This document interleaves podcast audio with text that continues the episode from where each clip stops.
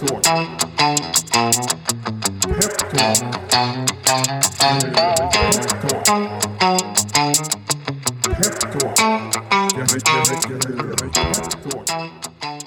Hej och välkomna till nytt avsnitt av Peptalk som leds idag av eh, mig, Jakob Karlgatt och Mig Niklas Danko och idag gästas vi av Kristoffer Kås som är VD på emissionsaktuella Flow Ocean.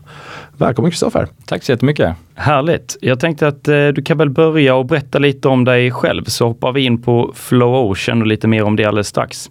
Ja men absolut. Eh, ja, som sagt Kristoffer Kos heter jag. Jag är 30 år gammal, civilingenjör i grunden. Studerade till eh, civilingenjör i hållbara energisystem eh, i Västerås. Tog examen 2017. Brinnande intresse förstås för, eh, för hållbar energiförsörjning som är ett otroligt hett aktuellt ämne nu. Eh, och när jag inte jobbar så har jag min underbara familj hemma. Sambon Emelie lilla Tio, sonen på eh, nio månader. Och sen eh, lilla Tilla på eh, den underbara härliga åldern tre som håller oss sysselsatta. Då. Härligt. Det låter som att det är fullt upp både på hemma och på jobbet. För idag är vi här för att prata om just eh, Flow Ocean. Och eh, Flow Ocean är ett teknikföretag inom havsbaserad vindkraft. Men eh, skulle du vilja berätta lite mer ingående mm, och beskriva vad ni gör för någonting? Vad är det? Mm. Ja, men gärna. Ja, precis som du säger, eh, Flowocean är ju en teknikutvecklare eh, och ägare av ett antal patent kopplat då till flytande havsbaserad vindkraft. Och eh, vi har ju utvecklat en, en innovativ lösning specifikt för fundamentet för flytande havsbaserad vindkraft. Och man kan säga att, och och jag uppmanar de som lyssnar faktiskt gå in och kolla på Pepins hemsida och kolla på bilden för det blir lite lättare att, att följa med också. Eh, men eh, om man kollar på flytande havsbaserad vindkraft så består det ju av eh, turbin förstås då, som producerar elen och sen är det fundamentet som turbinen eh, står på. Och sen är det andra saker som förankring, kablar och så vidare. Då. Och det som har varit utmanande i branschen, det är just fundamentet. Turbinerna, kablar, förankring, sånt där, det finns.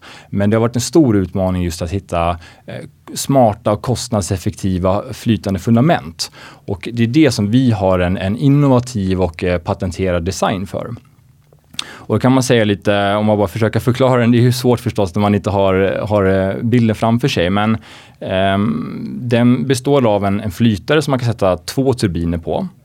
Och eh, den här flytaren är sen kopplad till en boj eh, via stålvajrar och en mittbalk. Och den här bojen den i sin tur förankrad ner till botten och det är egentligen bara för att hålla hela lösningen på plats då, så att den inte driftar iväg med vågorna. Och den här strukturen med två turbiner på flytaren, den eh, är fri då att flöjla 360 grader runt bojen. Så det innebär att när vindarna ändrar riktning, eh, då förlöjlar hela turbinstrukturen med och ställer sig alltid i optimal vindriktning. Så att, eh, och man kan säga det också bara för, för kännedom att eh, det flytande fundamentet utgör ungefär 25% av hela capexen i en hel flytande vindkraftspark. Eh, och som sagt, det, det har ju varit den avgörande delen som behöver lösas för att man ska kunna bygga ut den här enormt stora projektportföljen som finns idag. Och eh, ja, som bolag, som sagt, vi är ju teknikbolag så att vårt mål blir ju att sälja så många av de här fundamenten som möjligt. Eh, vi har valt att fokusera just på teknikdelen snarare än eh, projektutvecklingen. För det finns jättemånga projektutvecklare eh, runt om i världen och Europa som utvecklar massa projekt. Eh, det är dels stora olje och gasbolag, energibolag, men också mindre nischade aktörer. Och eh, oavsett vem som utvecklar det så kommer ju alla de här projekten till syvende och sist gå till upphandlingar. Eh, och, och det är där vi då kommer ha en möjlighet att gå in och sälja till egentligen alla projekt i och med att vi inte är bundna till ett specifikt projekt. Så att eh, precis, så att det är det vi riktar in oss på. Få ut så många fundament som möjligt i upphandlingar till projekten. Just det. Eh, Jag tänkte på, vi har ju redan eh, alltså så vindkraftverk, vindkraftparker i vattnet, men eh, ert fundament möjliggör ju liksom att vi kan flytta ut det till, till havs. Mm. Eh, Men vad, vad skulle du säga liksom syftet med det? Ja, men alltså flera. Men man kan ju börja med att säga att 71% av världens yta består av hav och vatten. Så att det är någonting som vi, vi måste bli bättre på att nyttja. Och ja, det är ju som alla vet, det är ju ett, eh, en stor omställning på gång nu. Vi ska elektrifiera industrisektorn, transportsektorn och så vidare. Vi har en enorm eh, populationsökning, befolkningsökning. Så att elbehovet ökar ju hela tiden eh, och kraftigt. Och då måste vi hitta sätt att lösa det här på med förnyelsebar storskalig eh, elproduktion. Och det är där havsbaserad och speciellt flytande vindkraft kommer in med de stora möjligheterna. Sen är det också så att eh, så, som jag tror också många känner till, när du bygger vindkraft på land, då finns det ju väldigt många konflikterande intressen. Alla vill ha vindkraft, men not in my backyard som det brukar heta, eh, någon annanstans. Och eh, om jag kollar på, eh, när man sammanställer det här för 2021 så var det tror jag, 78 procent av alla vindkraftverk på land blev nekade av kommunerna. Så det här är ju ett stort problem genom att flytta ut det långt från kusten ute till havs som man kan göra med flytande fundament, då får du ju mindre av de här konflikterande intressen. Eh, och ju också komma ut långt från kusten så blir det även mindre eh, konflikter med till exempel fiskeri och turism och sådär. Eh, men sen är det också så och det tror jag alla, alla som har varit ute med en båt känner igen att det blåser väldigt mycket, det blåser väldigt mycket mera ute till havs. Um, och det är faktiskt så att det blåser stabilare över året. Så det innebär att tar du samma turbin som du har på land i princip, sätter det på ett flytande fundament långt ute till havs, då kan den turbinen producera mer än dubbelt så mycket el. Okej, okay. för jag tänker på uh, just uh, en extra fråga om turbiner. Är det en stor skillnad på en turbin som finns på land jämfört med ute till havs? Är det andra krav på själva turbinen innan vi fortsätter prata mer mm. om fundamentet i sig? Eh, jo men det är det ju. Eh, alltså i grund och botten så är det ju samma design. Mm. Det är det. Men det finns vissa skillnader. De, dels så ska det ju naturligtvis på skydd, korrosionsskydd och sådana här saker. Eh, men det är också så att turbinerna är mycket större. Och det har att göra med fler faktorer men i och med att det blåser mycket mer ute till havs så, det, så kan du fånga upp mer av vinden med större turbiner. Så där har du mycket större turbin, eh, alltså diameter på bladen. Mm. Men det är också så att du behöver ju inte eh, bry dig om skuggproblem och, och ljudproblem och sådana saker som du också behöver tänka på till land. Så att turbinerna är mycket, mycket större och då pratar vi som väldigt mycket större. de kan vara en bra bit över 200 meter i, i diameter ute till havs. Ja, så det, det, är, det är riktigt stora konstruktioner. Men då tänker jag på, eh, vad skulle du säga att ert fundament för era vindkraftverk eh, gör, är, gör bättre än det som redan finns på marknaden? Hur, hur särskiljer ni er från de lösningar som finns på plats idag? Eh, ja, men eh, på flera olika sätt. Men eh, det, det, har att göra med den designfilosofi som vi haft från första början. Det vi har satt oss och kollat från de fysikaliska grundlagarna, hur bygger du någonting som är så stabilt som möjligt samtidigt som du minimerar vikten? För vikten är den största kostnadsdrivaren och utsläppsdrivaren för de här strukturerna. Ehm, och då har vi kommit fram till den här designen som optimerar det. Där vi då eh, dels har ett ganska stort avstånd mellan eh, ska säga, båda turbinerna och bojen. Eh, vilket gör att, och det, jag brukar säga Tänk på stolen du sitter på. Där har också kanske tre eller fyra ben då, men ju längre ifrån du sätter benen, ju smalare kan varje ben vara samtidigt som du sitter stabilt. Eh, sätter du dem för nära, då måste du göra benen ganska tjocka för att ändå sitta stabilt. Och det är exakt samma sak ute till havs. Varje eh, lösning som finns med flytande havsbaserad vindkraft, de flesta, det ser ut som tre ben som är ihopkopplade med stela stålramar. Och vi är unika just att vi har lagt ett ganska långt avstånd, vilket gör att benen blir små då kommer vi ner i vikt, så vi minimerar vikten samtidigt som vi får ju mindre påverkan också av vågorna. Ju smalare benen är, ju mindre påverkas de av vågorna och då får vi en stabilare lösning eh, som fortsatt är, är låg i vikt. Och sen är det just det att vi, och det är också en del av vår patenterade design, att vi använder stålvajrar. Så istället för att ha tre stela ben mellan turbinen och bojen då, så har vi bara en stel ram eh, och så, så kör vi stålvajrar. Och stålvajrarna gör att lösningen blir mjuk. Eh, för vajrar överför ju bara kraft när du drar i dem men inte trycker i dem. Så då får du en väldigt mjuk lösning som med, med lite slitage och böjmoment. Men också kommer ner i vikt för stålvajrarna är ju, är ju mycket lägre i vikt då än de här stela stålramarna. Så allt som allt så gör det att vi får en väldigt stabil lösning vilket är förstås en, en förutsättning för att man ska kunna bygga det här ute till havs. Men som är också är uppskattningsvis då 30% upp till 30% lägre i stålvikt än konkurrerande lösningar. Och återigen, stålvikten är den absolut största kostnadsdrivaren och eh, drivaren av utsläpp då, som kommer från själva stålproduktionen. Mm-hmm. Sen är det andra saker som det, det, blir nästan för mycket att gå in på, men den är ju smart designad från början. Eh, den är till exempel designad för att vara en, som vi kallar det plug and play installation. Så det innebär att man kan göra eh, det absolut mesta av monteringen och, och testning eh, på land och sen kan du installera den väldigt enkelt både mekaniskt och elektriskt ute till havs. Så det gör att installationsprocessen och även om man skulle behöva koppla bort den och, och, och gör, ta in den till land av någon anledning blir eh, mer kostnadseffektivt. Och sen just som jag sa också, det blir väldigt mycket, men, men en smart design då där turbinerna kan snurra runt bojen eh, fritt och alltid lägga sig i optimal vindriktning. Så det är många saker för att den ska vara kostnadseffektiv helt enkelt. Hela vägen från att bygga den men också till att faktiskt underhålla den. Briljant. Just det. Jag tänkte på att eh, alltså, vindkraft generellt får ju ibland kritik för att den inte är förutsägbar. Det blåser mm. inte alltid helt enkelt. Men du, du var inne på det tidigare, liksom hur, eh, hur vindarna är mer jämna ute till havs. Eh, betyder det också att liksom er lösning är mer förutsägbar. Eh, ja, och, och, det gäller ju egentligen flytande vindkraft generellt sett, så det är inte specifikt eh, för, för just våran lösning. Eh, men i och med att vindarna är dels starkare, så du får så mera el direkt från turbinerna, men du, det, det, är också stabilare vindar över hela året, precis som du säger. Och det innebär att du får en mycket stabilare kurva runt hela året med mycket mindre av de här svängningarna som du får från landbaserad vindkraft och, och sol. Det är till och med så att eh, International Energy Agency, de kallar det till och med för variabel baskraft. Det är lite tekniskt men, men, men det är just för att visa att den är mycket mer stabil. Ehm, så jag brukar säga att du, du, får det bästa av två världar. Du får förnyelsebar el men den producerar mycket mer som den här stabila baskraften som vi har byggt hela vårt elnät eh, för. Så att eh, det, det, är en av de stora fördelarna som man alltid har velat kolla på flytande vindkraft. Men återigen, problemet har varit just de här fundamenten eh, som knyter ihop allting med turbiner, förankring kablar och så. Det har inte funnits tillräckligt bra lösningar för det. Och det är det vi nu ser att, eh, att våran produkt kan lösa och, och vara med och låsa upp den här stora marknaden som finns. Spännande. Mm. Eh, elförsörjningen har ju alltid varit liksom en het fråga och den kanske blivit ah, eh, en mer större medial täckning av den nu senaste tiden. Eh, men eh, hur mycket skulle du säga eh, att era vindkraftverk skulle kunna lösa det här problemet med, med den ökade elproduktionen som vi behöver? Ja, det första man kan säga är att det här är ju storskaliga lösningar.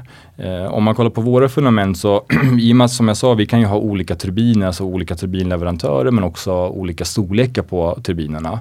Eh, men om man kollar på typiskt fundament som, som vi designar så är det på, eh, gjort för 12 megawatts turbiner. Och det innebär att i och med att vi har två turbiner så blir hela en enhet av fundament eh, kan producera 24 megawatt.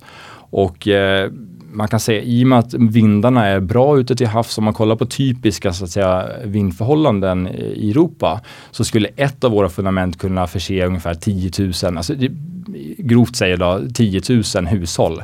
Eh, och då bygger man ju ofta, ja men det, det, är storskaligt. Och då bygger man ju ofta, om man kollar på de flytande vindkraftsparkerna som utvecklas idag, eh, så är de ju ofta på 1000 megawatt. Och, alltså det är ju en stor kärnkraftsreaktor. Eh, så att det, det, är väldigt, väldigt storskaliga. Bara för perspektiv, Sveriges effekttoppar kalla vinterdag är runt 25 000 megawatt. Eh, och kollar man på utvecklingen på havsbaserad flytande, eller flytande vindkraft just eh, i Sverige nu så finns det över 8000 megawatt planerad eller åtminstone som, som man försöker ansöka om att planera eh, flytande vindkraft. Så att, alltså det kan, det, vi ser att det kommer att utgöra en väldigt stor del av, av energimixen i Europa och, och i Sverige just på grund av den stora skalan. Och det här känns ju jättespännande att få vara med om en sån utveckling. Hur mycket skillnad man kan göra med att eh, just den här produkten kan ta de kliven som behövs. Mm. Och därför blir det ju framförallt intressant eh, från oss på Peppins och de investerare vi har på vår plattform eh, att höra lite mer om er affärsmodell på mm. det här. Eh, jag har förstått att ni inte, och du var inne på det i början också, att ni inte tänker till, tillverka de här själva utan att eh, det framförallt ska gå ut på licensmodell. Eh, kan du förklara lite hur ni tänker tjäna pengar på de här fundamenten? Mm, absolut. Eh, ja men precis, vi, vi, vi, har valt att, eh, att eh, licensiera ut de här till industriella, man, man brukar prata om EPC-bolag, det står för Engineering Procurement Construction. Eh, tänk dig ett industriellt bolag som har skeppsvarv och, och kapacitet att bygga och installera de här enheterna. Och det finns jättemånga sådana bolag eh, runt om i världen och, och i Europa som vill bygga och sälja sådana här lösningar, som har säljkanalerna mot slutkunderna, eh, som har hela den kapaciteten, balansräkningen som behövs för att kunna göra det här. Och skulle vi bygga den kapaciteten själva så skulle vi behöva en enorm balansräkning. Vi skulle behöva eh, en enorm kapacitet i manskap och utrustning och skeppsvarv och så vidare. Och eh, då har vi kommit till slutsatsen att det är mycket bättre att eh, dela med sig förstås av en bit av kakan, men ha ett strategiskt partnerskap med eh, ett EPC-bolag som, som kan bedriva just den tillverkningen, men också hjälpa till med försäljningen eh, och leveransen av de här enheterna. Och då får ju vi en skalbar affärsmodell. För vi gör teknikarbetet nu. Eh, vi så att säga har en blueprint, eh, ritningar och dokumentation för den här lösningen som vi sedan delar med strategiska EPC-partners som i sin tur då kan sälja och leverera vår lösning till eh, massa olika projekt. Så, så, vi gör ett arbete nu, det är ju lite som en mjukvarulösning kan man säga. Vi gör arbetet nu, tar fram den här design blueprinten och sen kan vi kapitalisera på det i många år. Och eh, då, då, då ser vi att med den lösningen så kan vi eh, få upp en, vi kan bli kassapositiva ganska snabbt. Eh, vi, vi, ser att vi kan bli kassapositiva redan 2025 med den här modellen. Och eh, det är också ett sätt att kunna tjäna eh, bra med pengar med en hög marginal. För att våra kostnader blir väldigt låga, eh, speciellt de rörliga kostnaderna kopplat till leveranserna eh, när vi väl är igång. Så att, eh, och då kan man säga att det finns ju tre intäktskällor som vi ser kopplat till det. Den, den största är rörliga licensintäkter i anslutning till att vi och tillsammans med EPC-bolaget levererar fundamenten. Och det är ju den största eh, inkomstkällan som vi ser framför oss. Men också eh, så är det vanligt och det är något som vi kommer att kolla på att man, man kan ta eh, fasta årliga royalties kopplat till exklusiva eh, avtal på vissa marknader. Så det är också en intressant modell så att man säkrar ett bra eh, årligt eh, cashflow därifrån. Och sen blir det också rena konsulttjänster, alltså kopplat till anpassning av produkt till olika projekt och så vidare. Där vi jobbar tillsammans med både det här EPC-bolaget eh, och slutkund. Så slutkund kan vara energibolag, till exempel Vattenfall, bara för, som ett exempel. Då. Ehm, så där kan vi också som sagt jobba som ren konsult och, och jobba med anpassningar då, av, av lösningen till olika situationer. Så att eh, ja, det, vi, vi ser att det är en bra modell som gör att vi kan komma igång snabbt eh, och som sagt inte behöver bygga upp den här tunga basen som annars skulle behövas. Det låter som att ni har en ganska liksom bra bild hur en potentiell eh, affärspartner skulle kunna se ut. Mm. men har ni någon sådan klar idag eller fin, finns det några liksom dialoger som ligger och puttrar? Eh, ja men eh, absolut, vi har, vi har ingenting eh, på plats just nu, det kan man säga. Eh, däremot så har vi under åren blivit kontaktade både av ett antal EPC, alltså industriella EPC-bolag, men också faktiskt eh, alltså slutkunder, energibolag som, som äger de här projekten då, som vill upphandla eh, lösningar. Och det som, eh, alltså, det finns en jättestor efterfrågan på det här. Det är, det är, som alltid, hur snabbt kan den här produkten finnas på marknaden? Hur snabbt går den att börja bygga i stor skala? Eh, där har ju vi varit begränsade av att vi behöver göra klart det här certifieringsarbetet som vi nu har inlett och, och ska göra då under första eh, halvan av 2023 det har varit en begränsande faktor för oss. Eh, så där ser vi ju en, en, en, eh, en, jättestor potential att parallellt med det arbetet eh, faktiskt säkra, eller komma väldigt långt åtminstone på att säkra ett avtal med en strategisk partner. Och där gäller det också från vår sida att välja rätt. Så kan jag nämna att vi, vi sitter faktiskt nu i i dialog med, inte ett EPC-bolag, men ett, ett, en, en stor Eh, gasjätte, oljegasjätte i Europa som har kontaktat oss i höstas och, och, där vi har kommit eh, en bra bit i dialogen så att säga. Så där sitter vi nu och gör en, en teknisk DD eh, och också förhandlingar kopplat till att de vill finansiera ett första pilotprojekt. Så att äh, återigen, det, det gäller här att vi är snabba nu på mogna tekniken till det läge där vi faktiskt kan börja tillsammans med partners leverera det här och det ser vi väldigt goda, väldigt goda förutsättningar att göra parallellt med det här certifierings arbete som vi nu har inlett. Det ska bli jättespännande att följa vad den dialogen mynnar ut i. Mm.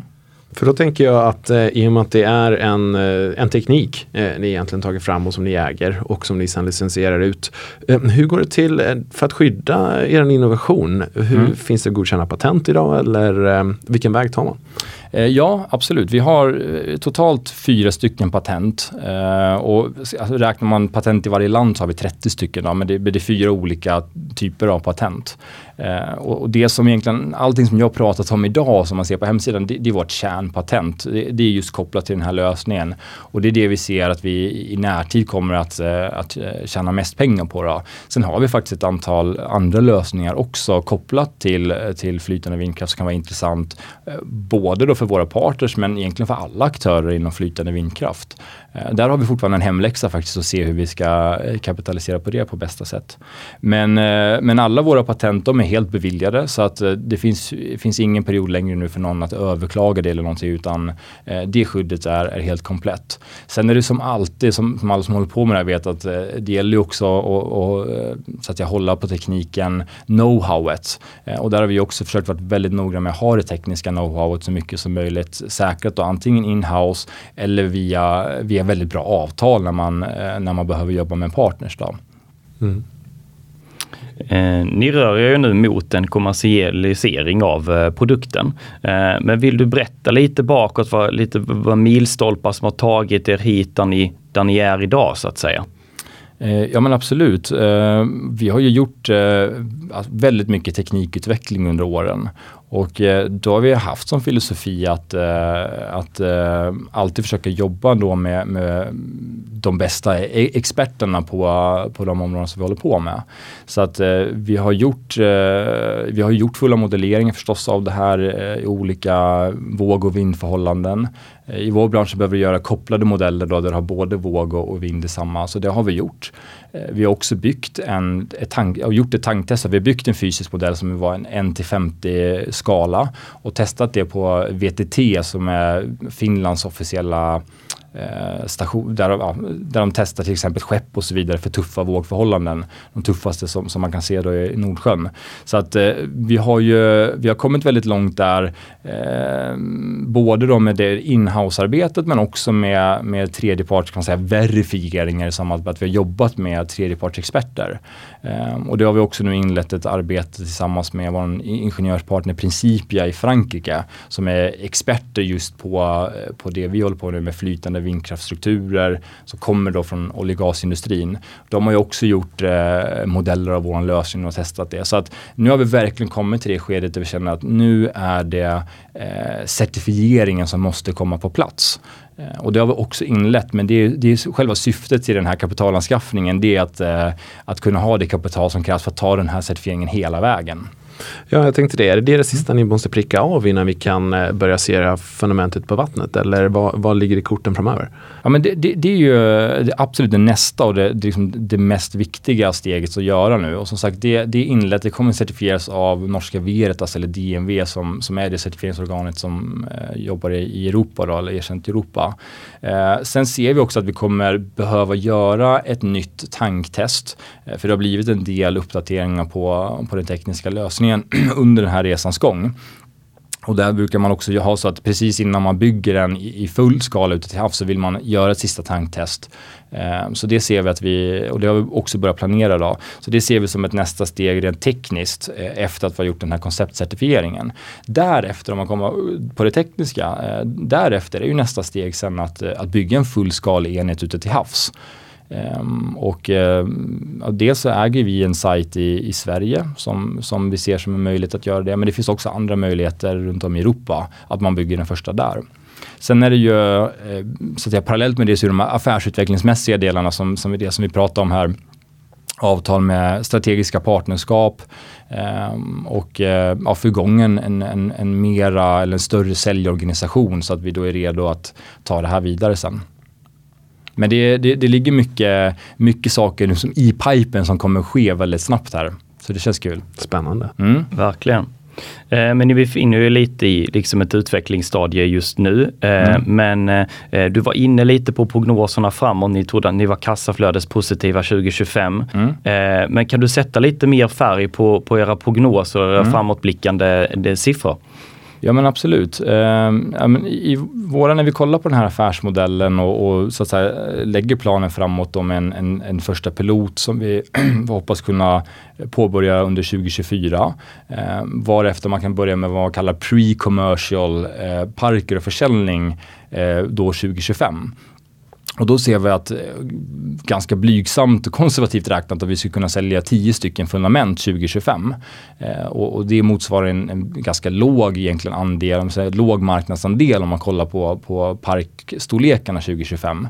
Eh, men om man ser då på de tre intäktsspelen som vi har så förväntar vi oss att kunna få en omsättning på 30 miljoner. Och eh, då, då kommer vi att gå, bli kassapositiva för återigen, vi kommer ha en väldigt hög ebitda-marginal med den affärsmodell som vi har valt. Och därefter så eh, när vi har påbörjat den första pre-commercial parken då kommer vi in i den, den rena kommersiella försäljningen där vi, där vi verkligen kan börja sälja storskaligt och växla upp det här.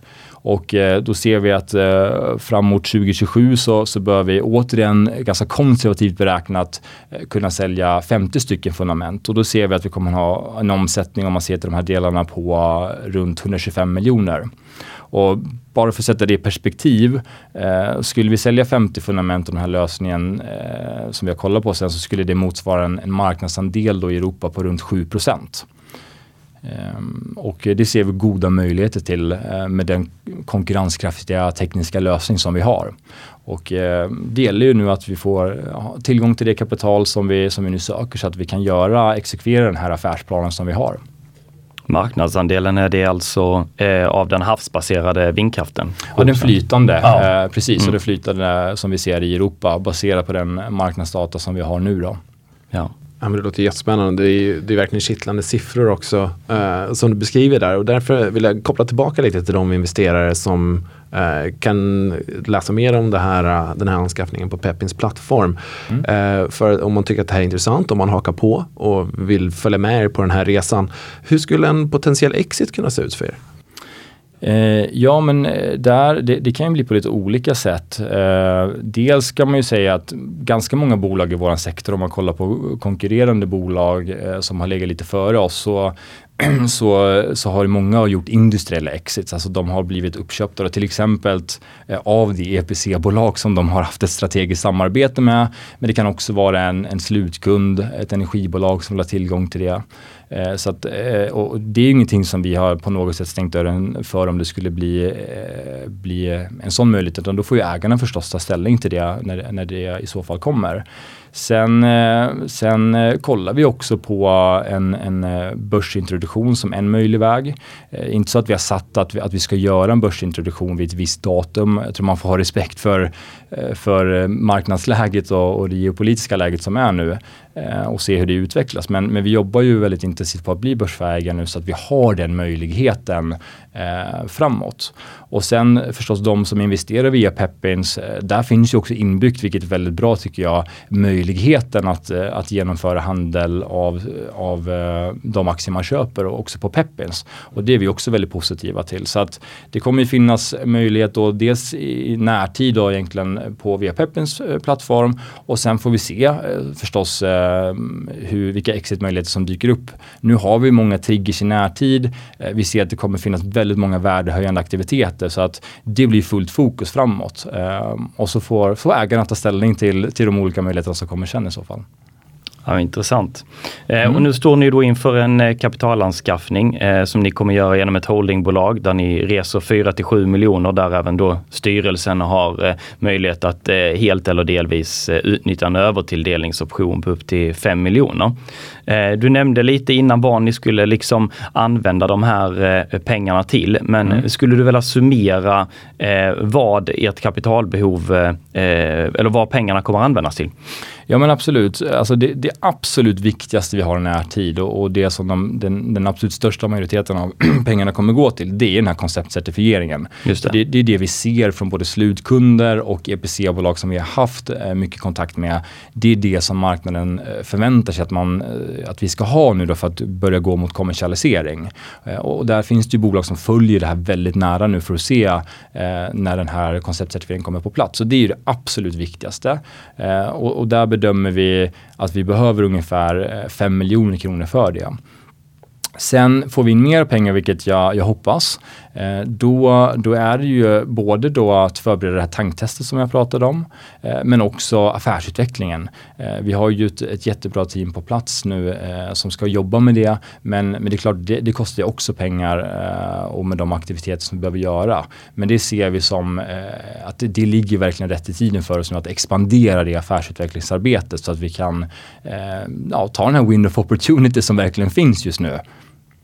Okej, okay. så eh, i och med det så funderar vi bara eh, om du vill summera varför Flowocean är en bra investering och varför Pepmins medlemmar ska haka på den här missionen. Ja men eh, absolut gärna. Ja, men eh, dels så, eh, vi har ju en produkt som löser ett, ett stort och jag skulle vilja säga akut samhällsproblem. Vi behöver förnyelsebar storskalig elproduktion eh, och, och, där är flytande vindkraften, eh, jag skulle säga absolut bästa och många med mig tycker den absolut bästa lösningen för det. Marknaden är glödhet och kolla gärna på vårt memorandum där vi beskriver det mera. Det är stor, vi ser en väldigt stor efterfrågan på våran produkt. Vi har en skalbar affärsmodell som gör att vi kan eh, bli kassapositiva snabbt men också ha en, en väldigt hög eh, marginal och kan växa snabbt. Vi har ett väldigt kompetent team på plats. Vi har en, en väldigt väl eh, utvecklad affärsplan som vi egentligen bara står helt redo att eh, exekvera på. Eh, och det finns som jag sa flera triggers i närtid. Eh, vilket förstås är roligt för det finns mycket värdehöjande saker som kommer ske eh, redan nu under första halvåret under 2023. Och, och, och, sen till slut så, så får man också säga att det är ett roligt spännande bolag. Eh, alla vi som jobbar i Flow Ocean och som ägare, styrelse eller, eller operationellt. Eh, vi drivs ju både av den affärsmässiga potentialen men också att vi ser att det här är en produkt som verkligen kan eh, bidra till samhället och, och med den miljönytta som man har. Så att det, det är också en kul investering. Ja, och där får jag väl avsluta. Ja men det låter bra. Det, det, det, ska verkligen bli spännande att följa det här och vill man läsa mer om eh, Flowocean och transaktionen så hittar man det på peppins.com där eh, ett fullständigt memorandum finns eh, med. Eh, och sen återstår egentligen bara att, eh, tacka dig eh, eh, Kristoffer för att eh, du medverkade i podden. Ja, Mycket roligt att dig här. Stort tack själv. Ja, tack ska du ha. Tack, hej. Och då vill vi påminna alla våra eh, lyssnare att eh, investeringar i noterade och onoterade bolag innefattar risker. En aktieinvestering kan sjunka i värde och det är inte säkert att en investerare får tillbaka satsat kapital eller något kapital alls. Ingenting som sägs i den här podcasten ska anses vara rådgivning och tidigare resultat är inte en garanti för framtiden.